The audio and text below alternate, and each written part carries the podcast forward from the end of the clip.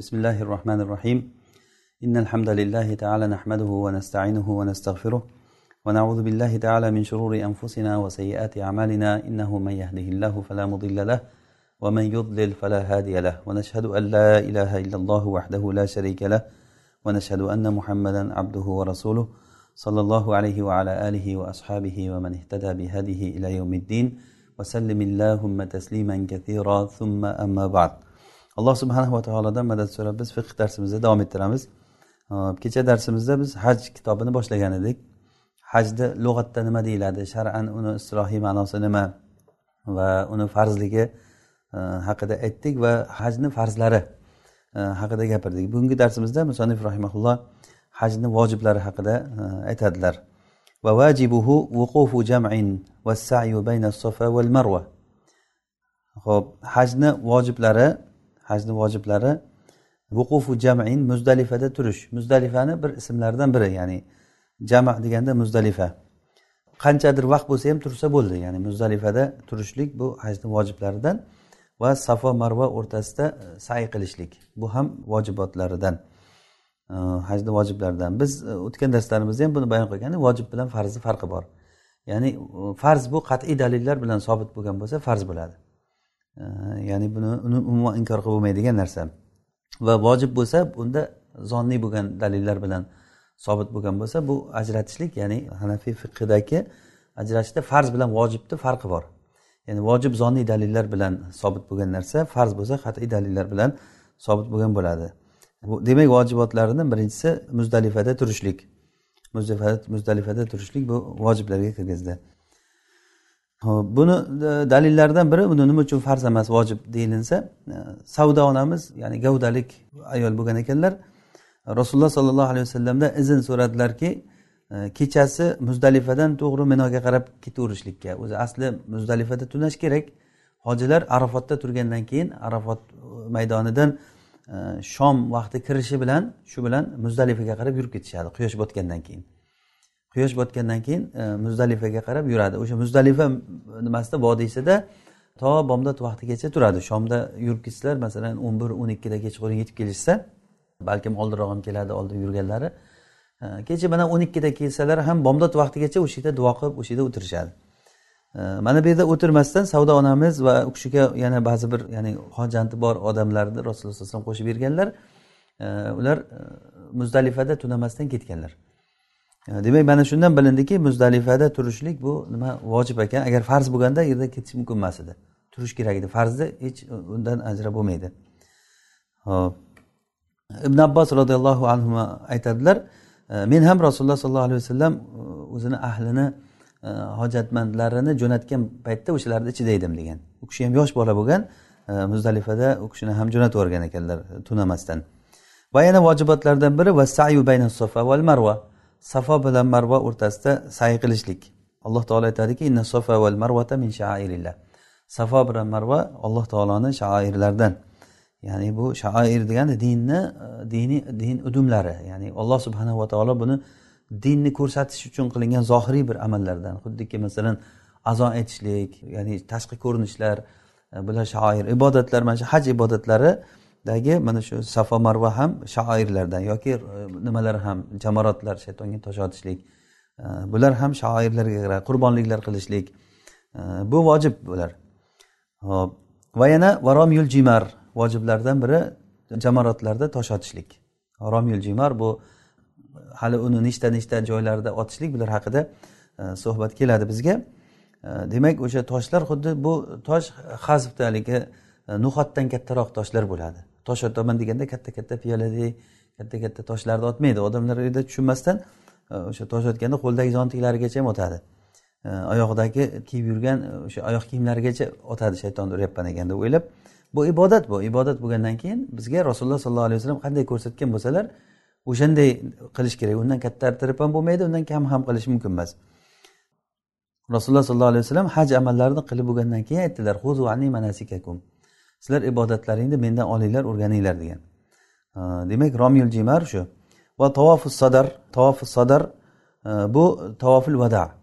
Tavofi sadar tavofil vada. Bu afoqiy uchun deyildi. Afoqiy ya'ni bu chekkadan kelgan hojilarni chekkadan kelganlari. Bu mo'tamir dunal mo'tamir ya'ni umra qiladigan odam emas bu. Ya'ni haj qilayotgan odam haj qilib bo'lgandan keyin bu odam tavofil sodar ya'ni tavofil vidoni qilishlik kerak bo'ladi. Ya'ni hajni qilib bo'lgandan keyin endi uyga ketaman degan odamlar makkadan ketamiz deganda e, eng oxirgi o'sha ishlari bu tavofil vado bo'lishlik kerak.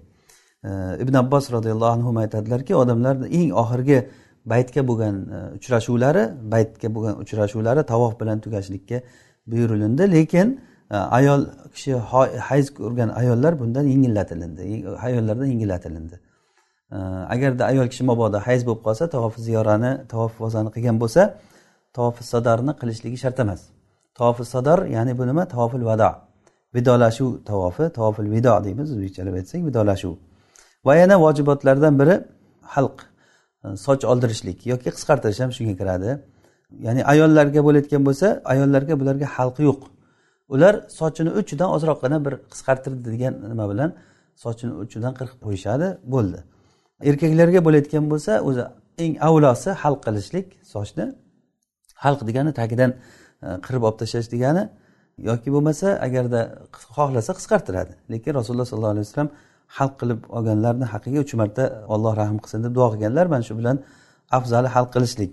E, bu ham vojibotlarga kiradi. Bu ham hajni vojibotlariga kiradi. Ho'p va undan boshqalari deyaptilar. Musanif rahimulloh va g'oyruha ya'ni hozir biz hajni farzlari bilan vojiblarini aytdik. Mana shulardan boshqalari sunanga kiradi.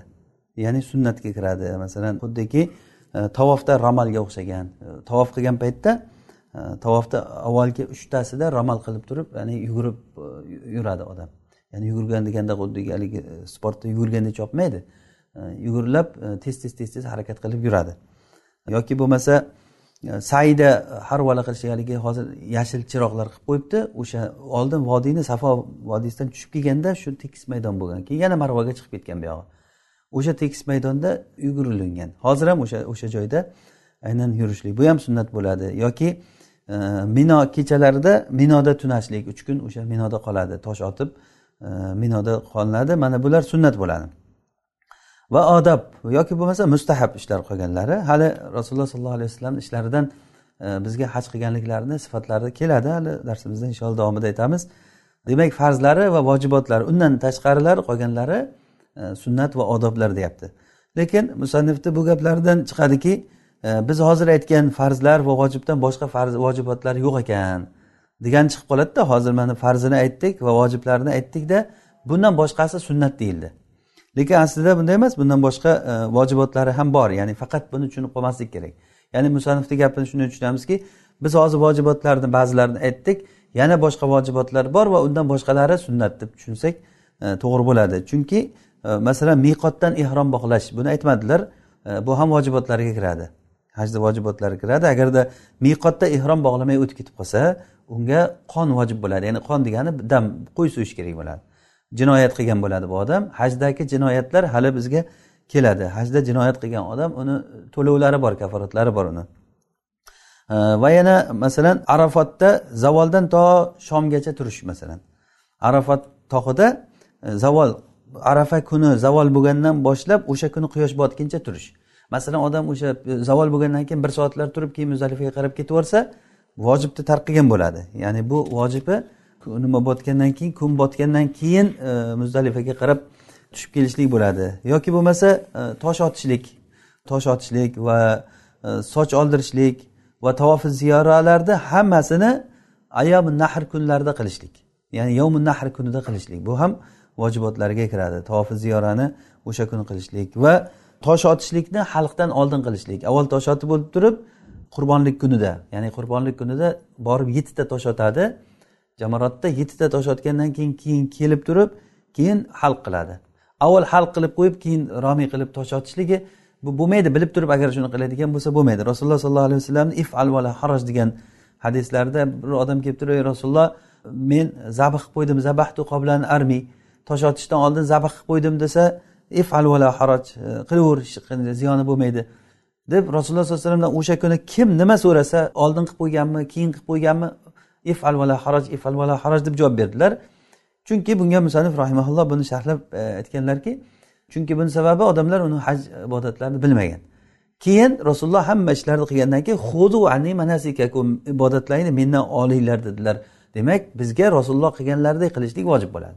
Rasululloh sollallohu alayhi vasallam haj ibodatlarini qanday qilgan bo'lsalar haj umra qilaman degan odam rasululloh sollallohu alayhi vasallam qanday qilgan bo'lsa tartibi o'sha rasulullohni tartibi bilan bo'lishlik kerak. Ifal vala haroj deb rasulullohni qilgan ishlarini teskarisidan qilaversak agar ifal vala haraj degan rasululloh ya'ni hech siqintisi yo'q qilavering e, hech ziyoni bo'lmaydi qilavering degan gapda bu ifal vala haraj degani. Unda hudu ani manasikakum degan hadisga teskari bo'lib qoladi bu. Rasululloh aytdilarki ibodatlaringni mendan olinglar ya'ni men qanday qilgan bo'lsam shuni qilinglar. Xuddi namozda aytgan gaplariga o'xshab sollu kamaru aytumuni usolli meni namoz o'qishligimni ko'rganlaringdek namoz o'qinglar deganlar. E, mana bular vojibotlarga kiradi. Yoki bo'lmasa haj va umrani birga qilgan qorin odam qorin deganda haj va umrani bitta ehromda bog'lab niyat qilgan odam. Mana shu odam qurbonlik qilishligi e, buni qurbon va mutamatti ham mutamatti ham qurbonlik qilishligi. E, mana bular nima vojibotlariga kiradi. Lekin bularni musannif rahimaulloh aytmadilar. E, xuddi shunday masalan haromda soch oldirishlik bu ham abu hanifa va imom muhammadda vojibotlariga kiradi. Ya'ni haromda e, hal qilishlik. Harom deganda biz harom deganda omma xalq buni harom deganda faqat kabani o'zini tushunadi masjidni tushunamiz. Aslida haram degani bu kabani o'zi bu haram deb aytiladi masjid. Lekin haram maydoni bu qayerdan qayergacha bu makka shahrida belgilangan.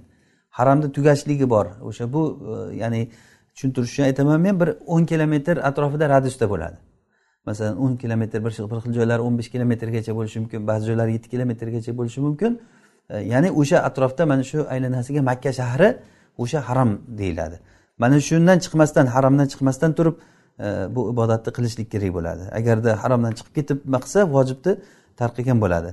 Va yana tavofni aynan aylanganda tavof tavof qilgan paytda tavofni nimada rukundan hajar asvaddan boshlab soat strelkasiga teskari aylaniladi. Masalan soat hozir men oldimda soat tursa soat strelkasi bunaqa aylanadiku. Tepaga qarab bunda bunaqasiga aylaniladi. Mana bu vojib bo'ladi. Agarda bu odam kelib bu yoqqa aylansa odamlarga teskari aylansa tavof qilyapti tavof qilyapti. Lekin vojibni buzyapti bu odam. Tavofi vojibni buzgan bo'ladi. Bu ham yoki tohratda bo'lishlik bu ham vojibga kiradi. Satravrat qilishlik e, bu ham vojibga kiradi. Ya'ni e, tohratsiz agar tavof qilayotgan bo'lsa tavofi tavof bo'ladi. Tahoratsiz bo'lsa ya'ni bu abu hanifa rahimallohni mazhablari shuki tahorat nimaga? Tavof uchun tahorat shart emas. Lekin vojib. Ya'ni tahoratsiz bo'layotgan bo'lsa unga jinoyat qilgan bo'ladi u qon chiqarish kerak qo'y so'yish kerak bo'ladi. E, lekin tavofi tavof bo'ladi. Tavof tavof bo'ladi. Buni sohibayn aytganki abu e, abu yusuf va imom muhammad tahoratsiz tavof tavof bo'lmaydi. Chunki rasululloh sollallohu alayhi vasallam hadisda aytganlarki attavofu bil bayt salatun illa annakum tatakallamuna fihi faman takallama la yatakallam illa bi khayr. Kabani tavof qilishlik bu namozdagi gap. E, lekin sizlar unda gapiraverasizlar ya'ni gapirishlik ruxsat unga. Kim agar gapiradigan bo'lsa faqat yaxshi gapni gapirsin dedilar. Kim gapirayotgan bo'lsa faqat e, yaxshi gapni gapirsin deganlar.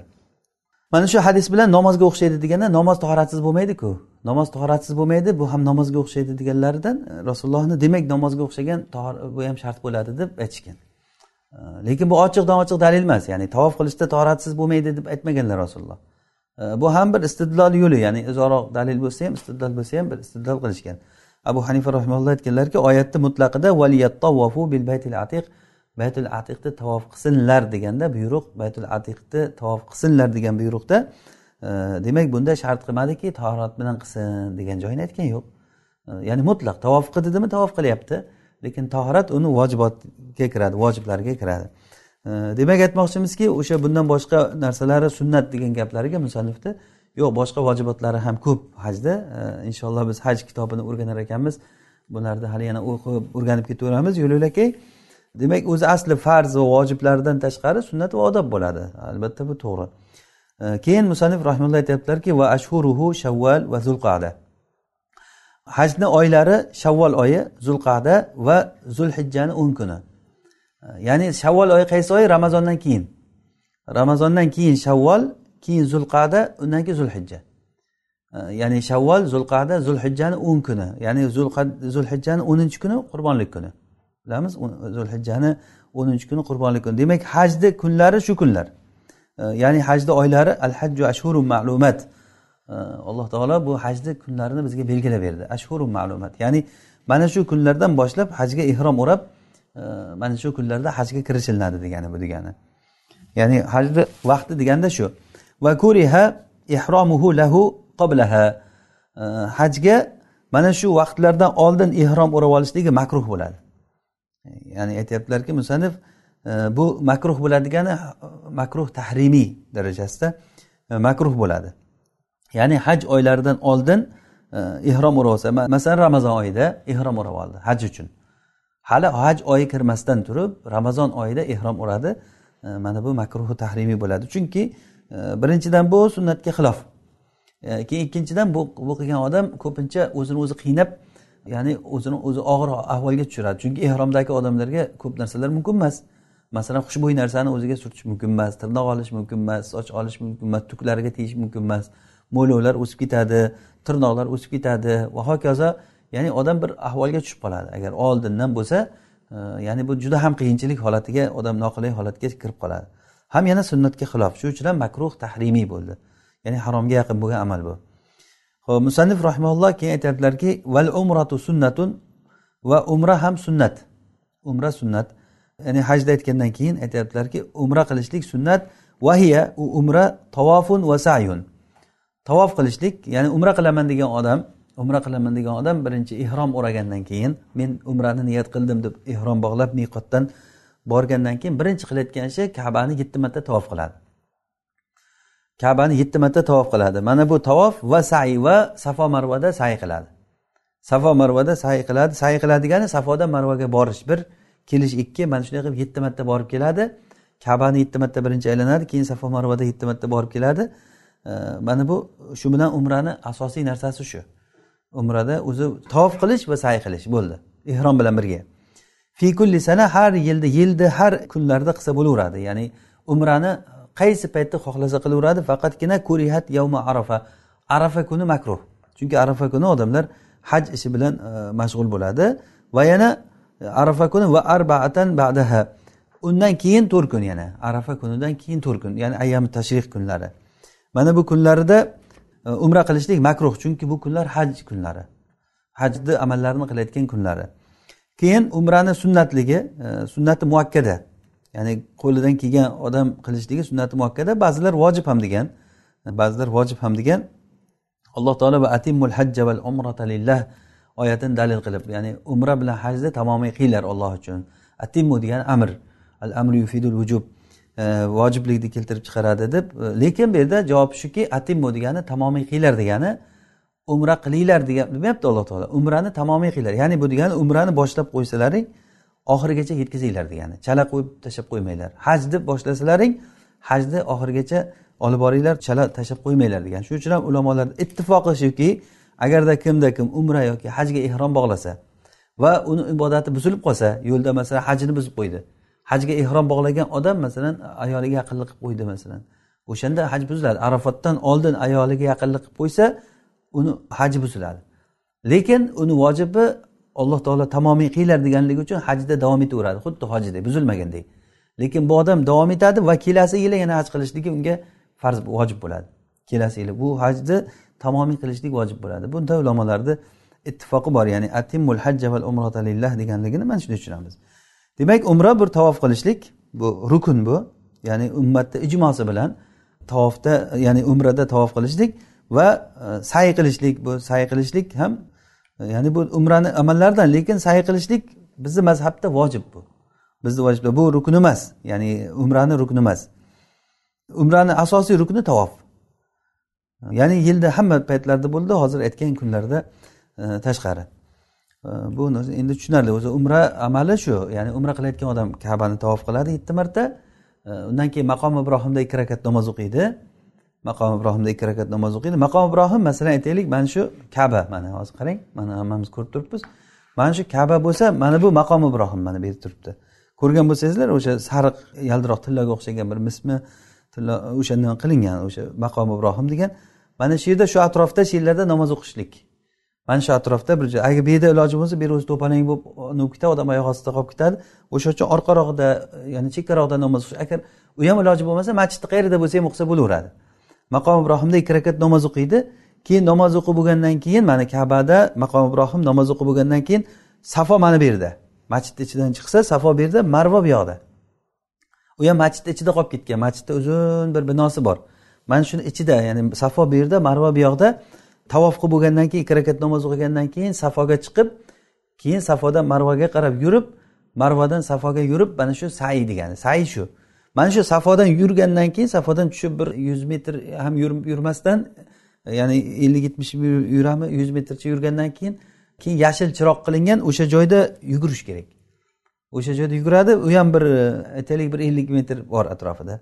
Undan tashqari undan keyin yana yurib ketaveradi. Kelishda yana shunday bo'ladi. O'sha yashil chiroqqa kelganda bu sunnat bu. Rasululloh sollallohu alayhi vasallam qilgan ishlar bular. Va mana shunday qilamiz. Mana shu bilan e, keyin sochini qisqartiradi yoki halq qiladi qisqartiradi yoki bo'ldi. Shu bilan umra tugaydi. Umraga borgan odam ya'ni juda e, bu oddiy bu narsani bilishligimiz bir eshitish bilan o'rganib olasiz. Ehromni bog'lab ehrom bog'lab niyat qilib borgandan keyin bismillah deb mana shu e, hajarul hajaril asvadni oldidan boshlaydi. Harakat tavofni bir aylanib keladi bu bir. Yana aylanib keladi ikki mana shunday qilib yetti marta aylanadi. Bu tavof degani ana shu aylanishlik tavof arab tilida tavof o'zi aylanish ishini tavof deyiladi. Tavof qilgandan keyin agar iloj imkoni bo'lsa hajaril asvadni bir marta e, tavof qilib o'tib har o'tganda bir marta o'pish hajaril asvadni rasululloh sallallohu alayhi vasallam o'pganlar. Agar uni iloji bo'lmasa qo'lida bir narsa bo'lsa o'sha narsasini tegizib o'sha narsani e, o'pib qo'yishlik ya'ni uni istilom qilishlik. Agar u ham bo'lmasa uzoqdan ollohu akbar deb qo'li bilan ishora qilib qo'yadi bo'ldi.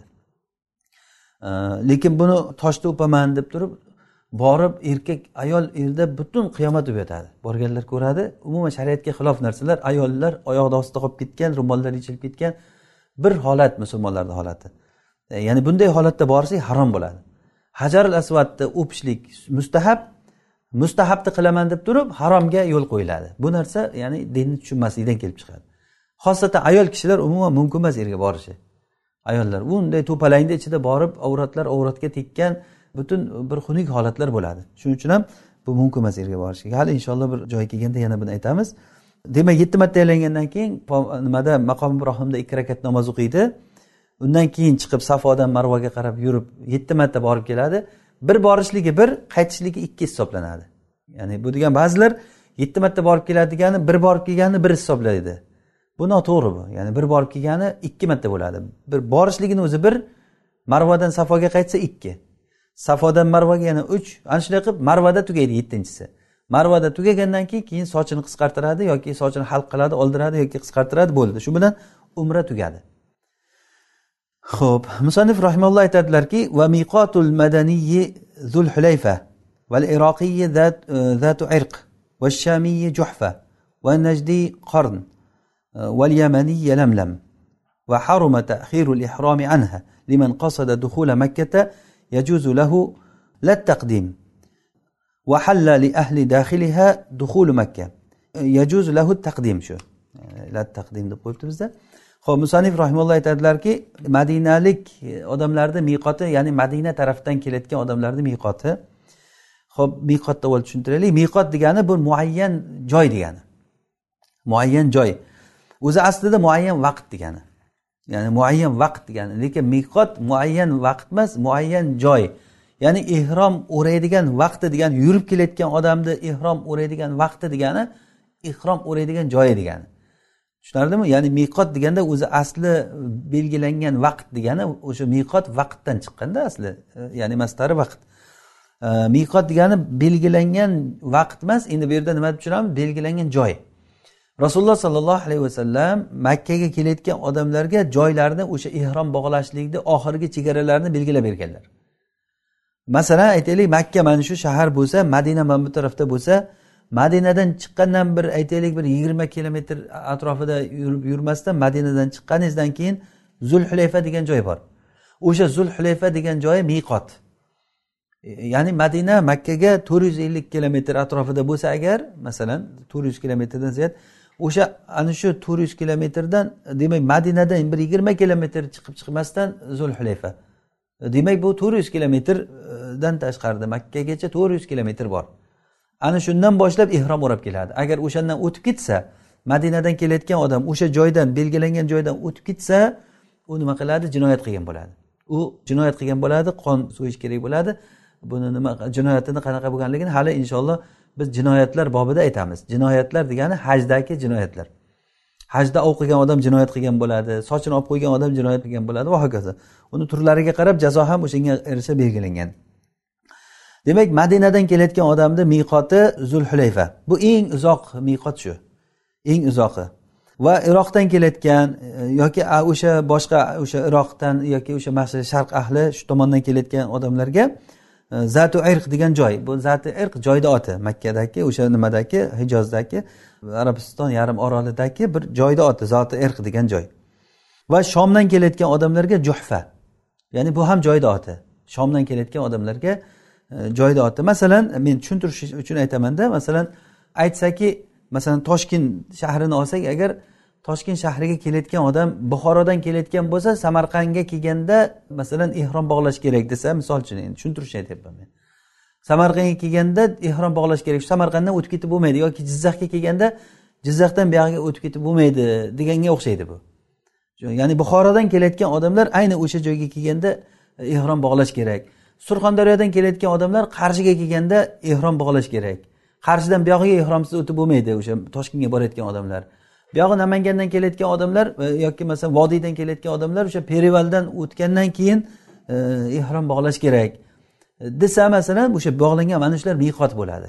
Bu yoqdan kelayotganlarni joyi bu u yoqdan kelayotganlarni joyi bu masalan bu yoqdan kelayotganlarni joyi bu degani o'sha belgilangan joylar ular. Hozir masalan bizga bu ismlar notanish tuyuladi zulhulayfa degan ism zoti irq yoki shomdan kelayotgan odamlarga juhfa degan joy joylarni ismlari. Va najddan kelayotgan odamlar uchun qorin degan joy bor. O'sha yerdan boshlab ehrom bog'lash kerak bo'ladi. Va yaman tarafdan kelayotgan odamlarga yalamlam. Yamandan kelayotgan odamlarga e, yalamlam. Ya'ni bu ham joyni oti. Buni hammasi rasululloh sollallohu alayhi vasallam mana muttafaq alayhi hadisda ibn abbos rivoyat qilgan hadisda e, madina ahliga zulhulayfani belgilab berdilar shom ahliga juhfani najd ahliga qornul manazil degan joyni yaman ahliga yalamlamni yaman saudiyani pastida ya'ni o'shadan kelayotgan odamlar yalamlam degan joy bor o'sha joydan buyog'iga o'tish kerak emas xuddiki mana hozir aytganimizdek buxorodan kelayotgan odamlar e, samarqanddan buyog'iga o'tish mumkin emas ehromsiz o'sha oxirgi nuqtasi shu. Hozir hamma joyda o'sha ehrom qilayotgan joylarda e, yo'llarga katta katta belgilar qo'yib o'sha miqotni boshlanishligi miqotni tugashligi deb miqotni boshlanishi deb aytib qo'ygan. Katta lavhalarga yozib qo'ygan masjidlar bor o'sha joyga. O'sha yerlarda yuvinib g'usul qilib ehromlarni bog'lab keyin o'tilinadi e, yo'llarga hamma joyga sharoit qilingan hozir alhamdulillah. Demak o'sha hadisda bu narsa ochiq aytilgan va yaman ahliga yalamlam hunna lahunna va liman ata alayhinna e, min g'ayri ahlihinna mimman aradal hajja val umra. Rasululloh aytyaptilarki bu joylar bu joylar hozir mana makka shahri bo'lsa tushunarliga mana bu zulhulayfa masalan mana bu yalamlam bu zoti irq qornil manazil bu yoqdan hammasi mana shu joylar hunna lahunna bu o'sha ahli uchun masalan zulhlayfa madina ahli madina va madinadan tarafdan kelayotganlar uchun yoki boshqa yo'ldan kelsa mana bu yoqdan kelgan odamlar masalan yo'ldan kelib qolsa o'sha zulhulayfani nimasini to'g'risigacha chamalaydi. Masalan hozir biz deydi o'tishda o'sha zulhulayfani to'g'risidan o'tyapmiz deydi. Demak o'sha joy e, nima bo'ladi? Ihrom ehrom o'rash kerak bo'ladi. Yoki bo'lmasa masalan samolyotda uchib bo'lgan odamlar. Bizda masalan o'zbekistondan samolyotda uchib borgan odamlar jaddaga uchib borsa agar jadda miqotni ichida u. Masalan hozir miqot mana bu yerda bo'lsa mana shu miqot miqot bu bo'lsa jadda mana bu yerda o'rtada. Demak u jadda samolyotda uchib kelgan odam miqotdan o'tib ketib qoladi. O'sha uchun ham samolyotda ogohlantiradi o'zi. Hozir biz osmonda miqotni ustidan o'tyapmiz deydi. Miqot o'sha rasululloh sollallohu alayhi vasallam belgilagan chegara. Ana shu belgilagan chegaradan samolyotda o'tyapmiz deydi. O'tyaptimi? Ana shu joyni ustida niyat qilish kerak. Undan agar niyatsiz o'tib ketib qolsa u jinoyat qilgan bo'ladi. U ham jinoyat deganda uni hali biz aytamiz e, ya'ni ehromiga ya'ni bu ibodat qonunni buzgan bo'ladi ya'ni ibodatni u odam nima qilish kerak? Qurbonlik qilish kerak. Jinoyatiga qarab hali yana inshaalloh bularni aytamiz. E, keyin e, musanif rahimalloh aytyaptilarki va haruma tahirul ihromi anha. Mana shu joylardan ehromni kechiktirishlik hozir bulardan ehromsiz o'tib ketib qolishlik e, harom bo'ladi. Mana o'zi hadisda ham o'zi aytdiki kim umra va hajda niyat qilib kelayotgan bo'lsa mana shu joylardan o'tmasin ya'ni ehromsiz o'tmasin deyildi. E, liman qosada duhula makka makkani kirishlikni qasd qilgan odam uchun. Ya'ni kimki makkaga bormoqchi bo'lsa makka shahriga makka shahrini qasd qilgan odam albatta makkani ehtiromi shuki nimasiz ehromsiz e, o'tmaslik kerak. La tujavizul miqota illa bil ihrom degan hadisda shunga dalil qilingan. Ya'ni ehromdan e, miqotsiz o'tmanglar. Ibn abi shaybani musannafida keltirgan e, hadisda dalil qilingan ekan e, nimadan? Miqotdan ehromsiz o'tmanglar. La taqdim ya'ni bu degani oldin nima qilib qo'yishlik e, taqdim qilib qo'yishlik taqdim qilish degani ya'ni mehrob nimada miqotdan miqotdan ehromsiz o'tish harom lekin miqotdan oldindan ehrom bog'lab qo'yishlik harom emas. Lat taqdim degani shu. Masalan madinadan kelayotgan odam madinani e, nimasi qayerda dedik e, miqoti zulhulayfa. Endi zulhulayfa masalan madinadan bir yigirma kilometr chiqqandan keyin dedik zulhulayfani. Endi bir odam madinani o'zida ehrom bog'lab olsa bu taqdim qilgan bo'ladi. Taqdim degani oldindan ehrom bog'lab olgan bo'ladi. Shuning uchun ham aytyaptilarki lat taqdim. Taqdim qilishlik ya'ni taqdim degani ehromni miqotdan oldin bog'lab olishlik. Bu harom bo'lmaydi. Li ahli daxiliha demak miqotni ichidagi ahl uchun miqotni ichidagi odamlar uchun halol bo'ladi. Duhulu makkata g'oyra muhrim. E, makkaga ehromsiz kirishlik. Makkaga ehromsiz kirishlik li ahli daxiliha uni ichidagi ahl uchun e, makkaga ehromsiz kirishlik halol bo'ladi. Tushunarlimi? Ya'ni bu degani bu juda ko'p kirib chiqaverganligi uchun ya'ni miqotni ichidagi odamlar masalan miqot mayerda bo'lsa bu buyoqda yashayotgan qishloqlar bor. Makkani atrofida yashayotgan qishloqlar bor. Ular makkada ishlaydi masalan. Masalan ish bu madrasalarda dars berayotgan mudarris bo'lishi mumkin yoki boshqa ishchi bo'lishi mumkin. Qatnab ishlaydi har kuni keladi ketadi keladi ketadi. Bular har kuni ihrom bilan kirib yangitdan qilish yana chiqish boshqa bu narsa nima? Haraj bo'lib ketadi odamlarga. O'sha uchun bu shariatda bu yengillik uni ichidagi miqotni ichidagi odamlar uchun halol bo'ladi. Duhulu makkata e, g'ayra muhrim. Ehrom o'ramasdan turib makkaga kirishligi ruxsat bo'ladi. Rasululloh sollallohu alayhi vasallam o'tin teruvchilar uchun makkaga ehromsiz kirishlikka ruxsat bergan. Ya'ni ular chunki ishi ularni. Tirikchiligi shu. Tirikchilikka uchun chiqadi kiradi makkaga borib o'tin sotadi boshqa bo'ladi tirikchilik qiladi yana qaytadi. E, bularni maqsadi umra va haj qilishlik emas. O'zi hadisni zohiriga qarasak e, hozirgi ibn abbosni hadisida mana aytdilarki bu mehro e, nimani makkani umra yoki hajni qasd qilgan odam mana shu meqotdan o'tmasin degan. Demak innamal amalu bin niyati amallar niyatlari bilan. Agar niyati umra haj bo'lsa agar niyati umra haj bo'layotgan bo'lsa o'sha umra haj bo'lgan odamlar meqotdan nimasiz o'tmaslik kerak bo'ladi. Ehromsiz o'tmaslik kerak bo'ladi. Masalan aytaylik bir odam masalan e, boryapti o'sha nimaga lekin niyati umra haj emas. O'shanda ehromsiz borsa u zarari yo'q. Bu qachon bo'ladi buni jinoyat qilgan bo'ladi makkaga boryaptida maqsadi umra va haj qilishlik. Umra va haj qilishlik uchun boryapti lekin e, ehromsiz o'tib ketdi. Mana bu jinoyat qilgan bo'ladi. Ho'p va miqotuhul hil. Mana bu chekkada yashayotgan odamni miqoti hil bo'ladi. Ya'ni bu nima degani? Chekkadagi odam e, bu, bu odam makka ahli emas bu. Makka ahlidan tashqarida mana bu miqot mana bu makka. Makka bilan miqotni o'rtasidagi odam. Bu odamni miqoti. Endi bu miqotdan tashqarida yashayotgan masalan bizga o'xshagan odamlar hozir umraga hajga borsa miqotdan boshlab e, ehrom o'raymiz bu tushunarli bo'ldi. Endi miqotni ichida yashayotgan odamlarni nimasi? Miqoti hil. Hil degani nima degani?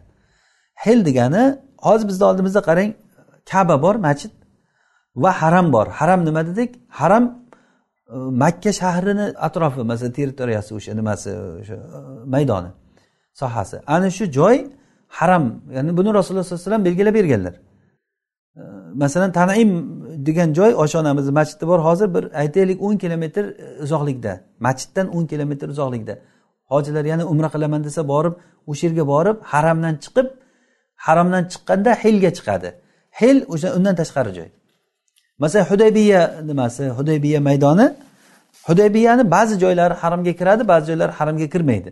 Hudaybiya makkadan yigirma kilometrdan ziyod e, masofada. Demak yigirma kilometrdan ziyod joydagi hudaybiya hudaybiya sulhi bo'lgan bilasizlar rasululloh sallallohu alayhi vasallam. Haligi daraxt tagida bayat qilingan joy.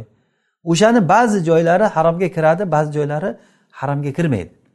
Aynan o'sha hudaybiya bir yigirma kilometrdan ziyod joy yer mana shunda o'sha haram demak makka bo'lsa masalan masjid undan keyin makka bo'lsa buyog'i o'n kilometrda haram o'n kilometrgacha bir tomoni yigirma kilometrgacha masalan bir tomoni o'n besh bir undan kamroq ziyodroq bo'lishi mumkin. Bir aniq bir kilometr aniqlangan joy emas u. Lekin rasululloh sallallohu alayhi vasallam aytib berganlar falon joygacha harom undan nariyog'i hil. Hil degani u haromni hukmi boshqa. Ya'ni hil degani o'zi bir e, uni o'zini hukmi alohida haromni hukmi alohida. Haromda ov qilish mumkin emas. Mana shu joyda ov qilish mumkin emas. Hayvonlarni o'ldirish mumkin emas. Boshqa joyda halol lekin bu yerda mumkin emas. Yoki bo'lmasa luqatani olish mumkin emas. Bir narsani topib olsangiz olishingiz mumkin emas uni illo limunshid uni e'lon qilib buni kimniki? deb olish niyatida olsa bo'ladi.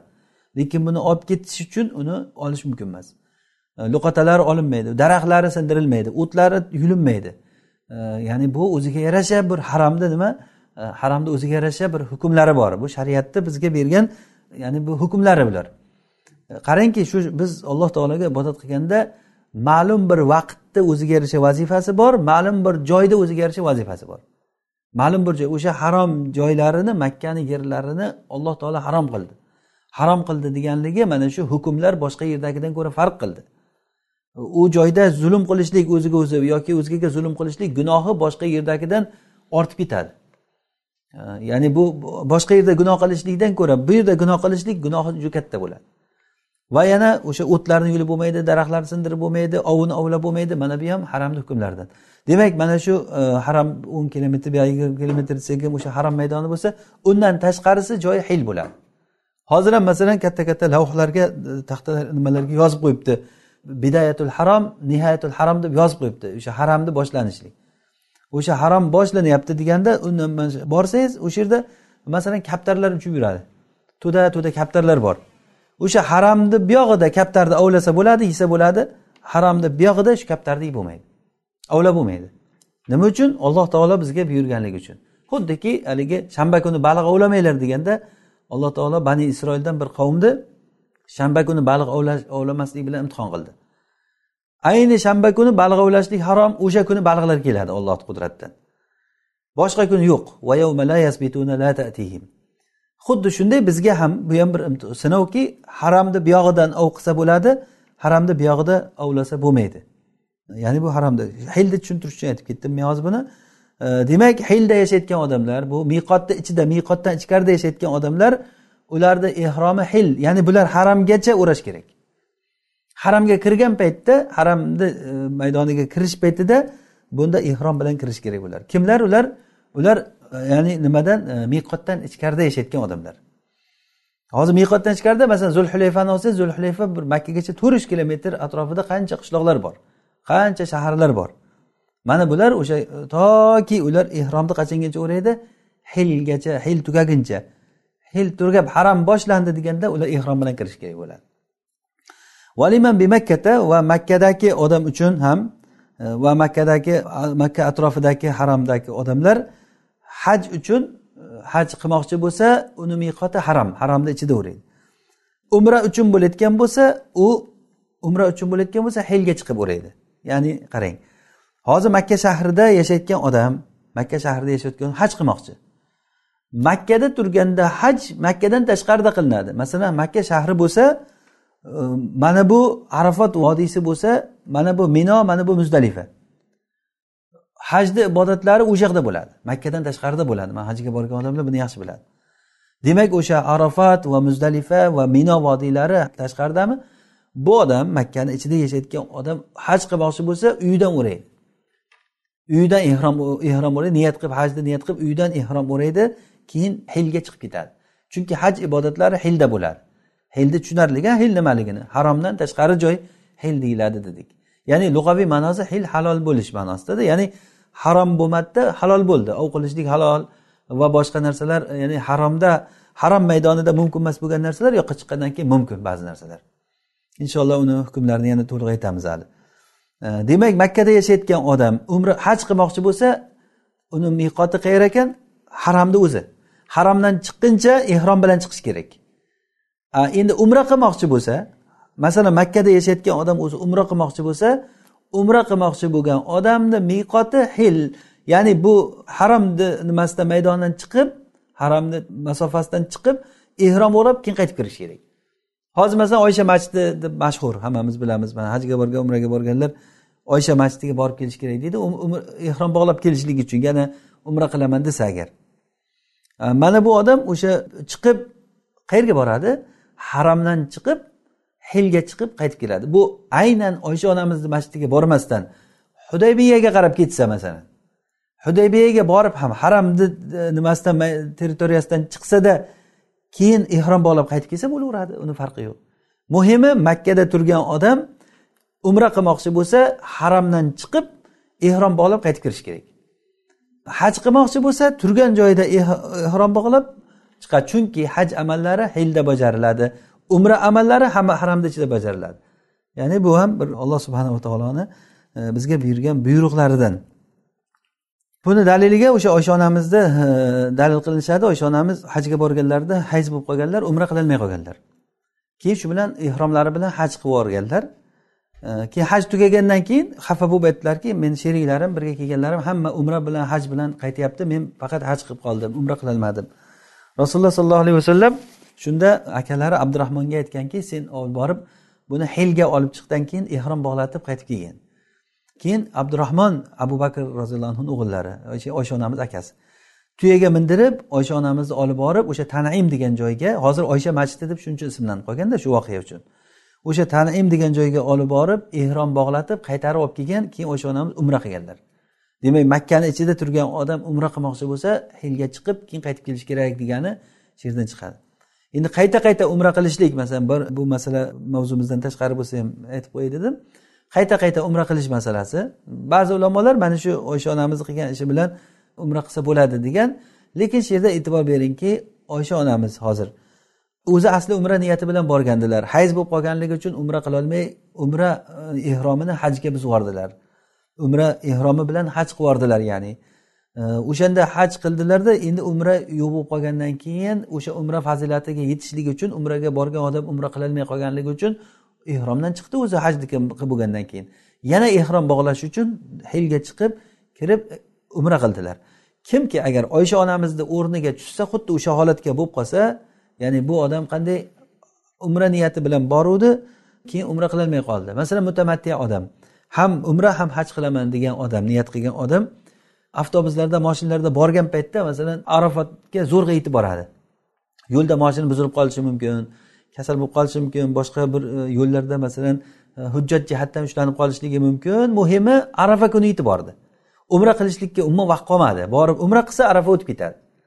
Bu nima qiladi? Umradagi umra ehromini hajga buzib yuboradi. Ya'ni bu degani umraga bog'lagan nimasi? Ehromi hajga deb yuboradi shuni. Buni umrani hajga buzish degani. Ya'ni bu hajga buzadi keyin hajni qilib bo'lgandan keyin o'z uz o'zidan ehromdan chiqadi haj tugagandan keyin. Sochini oldiradi tirnoqlarini oladi tavof qilib bo'lgandan keyin haj ehromdan chiqib bo'lgandan keyin xuddi oysha onamizni o'rniga tushib qoldi bu odam ham. Ya'ni umraga keluvdi umra qilolmasdan hajga o'tib ketdi. Bu odam ana endi hilga chiqib o'sha tanim masjidiga boradimi qayerga borsa ham hil maydoniga chiqib ehrom bog'lab qaytib kelib turib umra qiladi bu odam. Ana bu oysha onamizni o'rniga tushgan bo'ladi. Ayol kishi hayz bo'lib qolsa ham xuddi shunday. Aynan oysha onamiz shunday bo'lib qolganlar. Lekin bu yerda nozik joyi shuki rasululloh sollallohu alayhi vasallam oysha onamizni akalari abdurahmonga shuncha mehnat qilib boryapsan sen ham bir umra qilib qo'ygin demadilar. Ya'ni u kishi chunki umra qilganda haj qilgan edi abdurahmon. U faqatgina u kishi borib oysha onamizni olib borib tanimga olib borib turib hilga olib chiqib ehrom bog'latib qaytib keldilar oysha onamiz umra qildilar. Abdurahmon umra qilmadi. Agarda shu umra qilish joiz bo'lganda edi bu hojati ham bor bu ibodatni ko'proq qilishlikka rasululloh sollallohu alayhi vasallam albatta shu yerda bayon qilishliklari kerak edi. Chunki qoida borki tahirul bayan an vaqtil haja la yajuz. Ya'ni ehtiyoj vaqtidan bayon qilishlikni kechiktirishlik joiz bo'lmaydi. Bu yerda kechiktirmaslik kerak edi. Bu albatta rasululloh sollallohu alayhi vasallam abdurahmonga aytish kerak ediki sen ham umra qilib olgin. Deb shu bahonada umra qilib olgin deyiladida o'zimiz til bilan aytganda. Atay boryapti oysha onamizni uchun o'sha yerga borib qaytib kelyapti. Shu bahona sen ham umra qilib olgin deyish kerak edi. Aytmadilar demak bu umra kim uchun bo'ladi? Umra niyati bilan borib bir sabab bilan qilolmagan odam umra ehromini hajga o'tkazib yuborib haj qilgan odam keyin umra va hajga niyat qilib borgandan keyin umra qilolmay qaytyaptimi? Mana shu odamga ruxsat bo'ldiki borib hilga chiqib umra qilishligi allohu alam. Ya'ni lekin ya'ni bu masala ixtilofli masala. E, ba'zi ulamolar yo'q mumkin o'sha yerda turgan odam e, umra qilaversa bo'laveradi necha marta bo'lsa ham agar e, umra qilgisi kelsa demak bu asli oysha onamizga mana umra qilishlikka rasululloh ruxsat berdilarmi? Demak ha makkada turgan odam umra qilishlikka mana shu hadis bilan ruxsat bo'ladi ya'ni xohlasa qilaversin deb turib ruxsat berganlar. Lekin bu yerdagi o'sha hadisni zohiridan ko'rinadiki bu yerda hozir bizga oysha onamiz emas abdurahmon bizga akalari abdurahmon roziyallohu anhu bu kishi bizga katta bir nima bo'ladi hujjat bo'ladi. Chunki u kishi umra va hajni qilib bo'lgan odam. Umrani qilib bo'lgan odam. Umrani qilib bo'lgan odamga ergashamizmi yo hayz bo'lib qolib turib umra qilolmay qolgan odammi bizga hozir misolimiz? O'sha kimni holatiga tushsa o'shanga ergashish kerak. Agar umraga borib umra qilolmay qolgan odam bo'lsa oysha onamizga ergashadi. Agar umra qilib bo'lgan odam bo'lsa abdurahmonga ergashadi. Allohu alam. Keyin musannif rahimaulloh aytdilarki nimani? Hajni odob va sunnatlari. Sunnat va odoblari. Man shaa ihromahu kimki agarda hajga ihrom bog'lashlikni xohlasa niyat qilsa tavaddoa birinchi torat qiladi va g'usluhu ahabbu. G'usul qilishligi yana ham yaxshiroq. Chunki rasululloh sollallohu alayhi vasallamni e, g'usulda ihrom qilganliklarini kelgan sahobalardan shuni amali kelgan ya'ni ihrom bog'lashdan oldin g'usul qilishlik.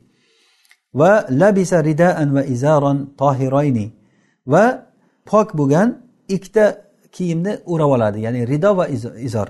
Izor degani kindikdan pastiga o'raladigan e, latta e, rido degani ustidan yelkasidan o'rab olinadigan bir latta. U albatta oq bo'lishligi shart emas ya'ni lekin ziynatli kiyim bo'lishi kerak emas. Albatta oq bo'lishi kerak degan oq bo'lsa yaxshi oq bo'lsa yaxshi. E, va tatoyyaba va solla shafan. Va xushbo'y narsalarni o'ziga sepadi va ikki rakat namoz o'qiydi. Solla shafan degani ikki rakat namoz o'qiydi. Ho'p mana shu ehrom masalasida ehromda hozir bizda e, yangi ehromlar chiqib ketdi. Ehromni ichidan ichki kiyim kiyish. Bizda shunaqa tushuncha borki ehromda tikilgan kiyim kiyib bo'lmaydi deyiladi. Ehromda tikilgan kiyim kiyib bo'lmaydi. Aslida tikilgan emas bichilgan kiyim kiyish mumkin emas. Ya'ni tikish deganda bichish bichilgan ma'nosi bu yerda ya'ni nima degani bu masalan aytaylik bir odam ehromini haligi chetlari so'tilib ketmasligi uchun qaytarib tikib chiqilgan ehromni atrofi. Bu mahitga tikilganga kirmaydi bu. Bu bir parcha latta bo'ldi. Xuddiki haligi o'zimizda e, yotish uchun odam haligi ko'rpalarni ustidan tashlab yotayotgan nimalar bor? Lattalar chetlari tikilgan o'shalarni bostirib tikilgan bo'ladi. Mana buni olib turib o'rab olsa ehrom qilib turib bu tikilgan kiyim kiydi deyilmaydi. Ammo tikilgan kiyim kiydi qanday bo'ladi? Masalan men bir lattani oldimdan keyin o'rtasini shuni yoqa qilib kesib kallamni kirgizib oldim. Oldim orqamga tashlab turib. Hali qo'g'irchoqlarga kiydirib qo'yadiku bitta lattani. O'rtasini teshib turib oldi orqasini nima qiladi? Xuddi kafanda ham shunday qilinadi odamga kafan o'raganda ham.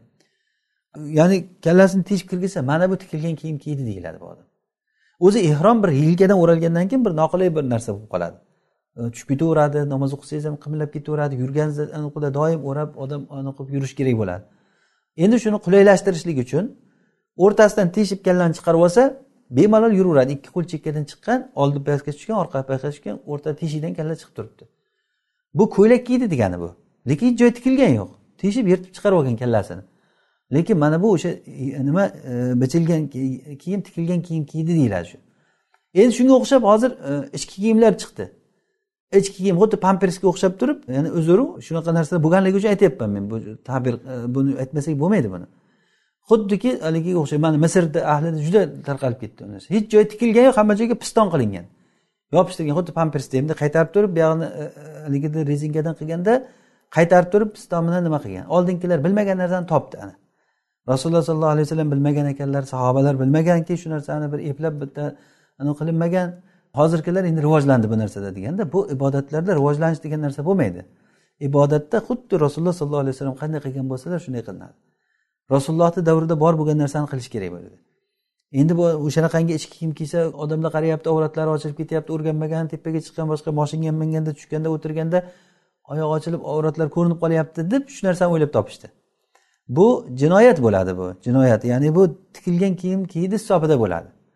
Buni yaxshi biz e, tushunishimiz kerak. Ya'ni ehrom deganda pok bo'lgan e, ikkita kiyimni kiyadi va tatoyaba xushbo'y narsalarni surtadi. Xushbo'y narsani ehromni bog'lashda surtib yuvinib e, xushbo'y narsani surtib agar xushbo'ylikni asorati qolsa ham rasululloh sollallohu alayhi vasallamni oysha onamiz aytadilar men rasululloh sollallohu alayhi vasallamni ehrom kirishliklarida men rasulullohni xushbo'y narsani surtib qo'yardim deganlar. Ana kuntu utayyibu rasulullohi sollallohu alayhi vasallam bi atyabi ma aqdiru alayhi qabla an yuhrim.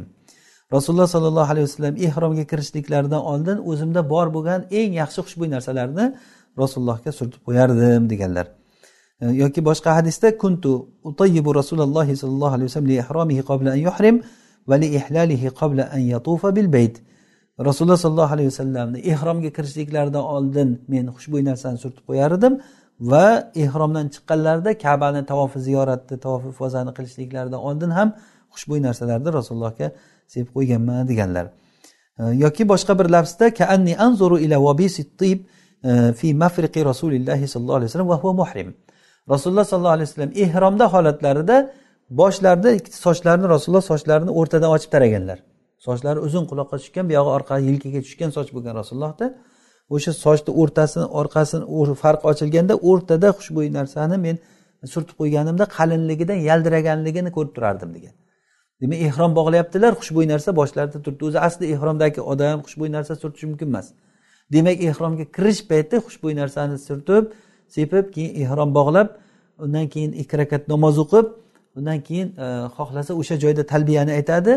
E, ya'ni labbayk allohimma labbayk deb e, talbiyani aytib niyat qiladi. Mana shu bilan inson ehromga kiradi. Ya'ni agar umra qilmoqchi bo'lsa umrani aytadi va haj qilmoqchi bo'lsa hajda aytadi.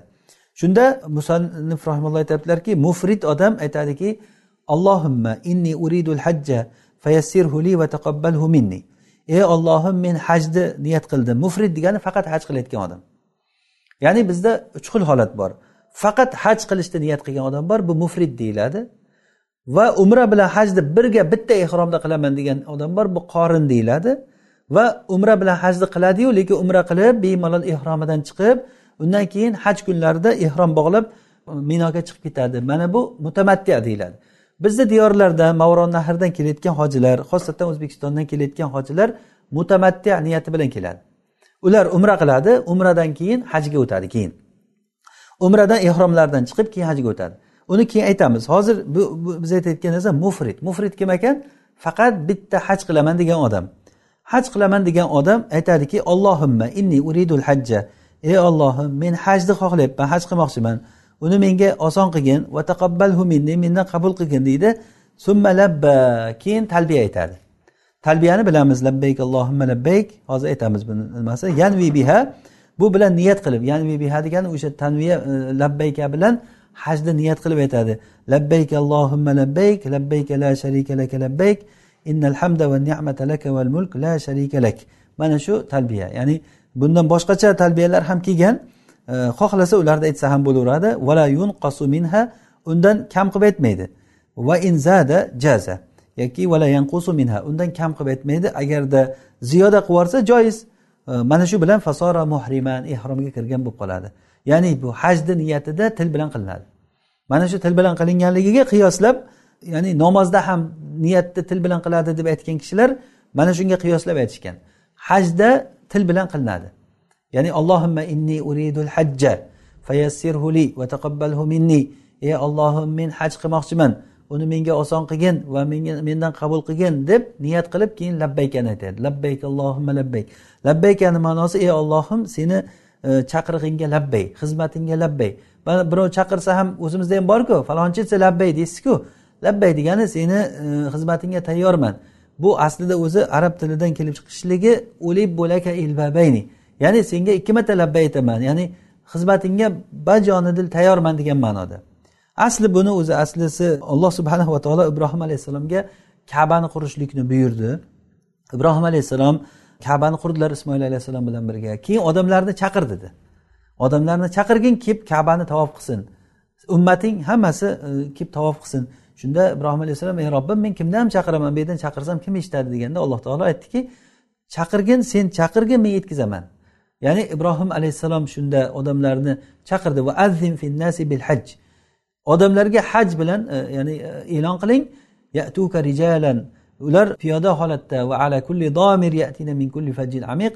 Hamma tomondan ulovlarda piyodalarda har anavlarda keladi labbay deb keladi. Ya'ni olloh taolo chaqirdi. Ollohni chaqirig'i yetib borgan odamlar olloh nasib qilgan odamlar labbay deb keladi. Bu labbayka degani ey ollohim seni xizmatingga tayyormiz. Butun moli dunyodan ajralgan kiyimlardan ziynatlardan ajralgan holatda hamma narsadan ajralgan holatda xuddi kafanga o'xshagan ikkita matoga o'ralgan holatda ollohni oldiga borib turib boyu kambag'al kattayu kichik olimu johil hamma bir xil holatda maydonda hamma yig'ilib turib o'sha yerda butun dunyodan kelgan musulmonlar e, bir joyda bir yig'ilib xuddiki bir katta bir anjuman konferensiyaga o'xshagan bir yig'ilish bo'ladi har yili.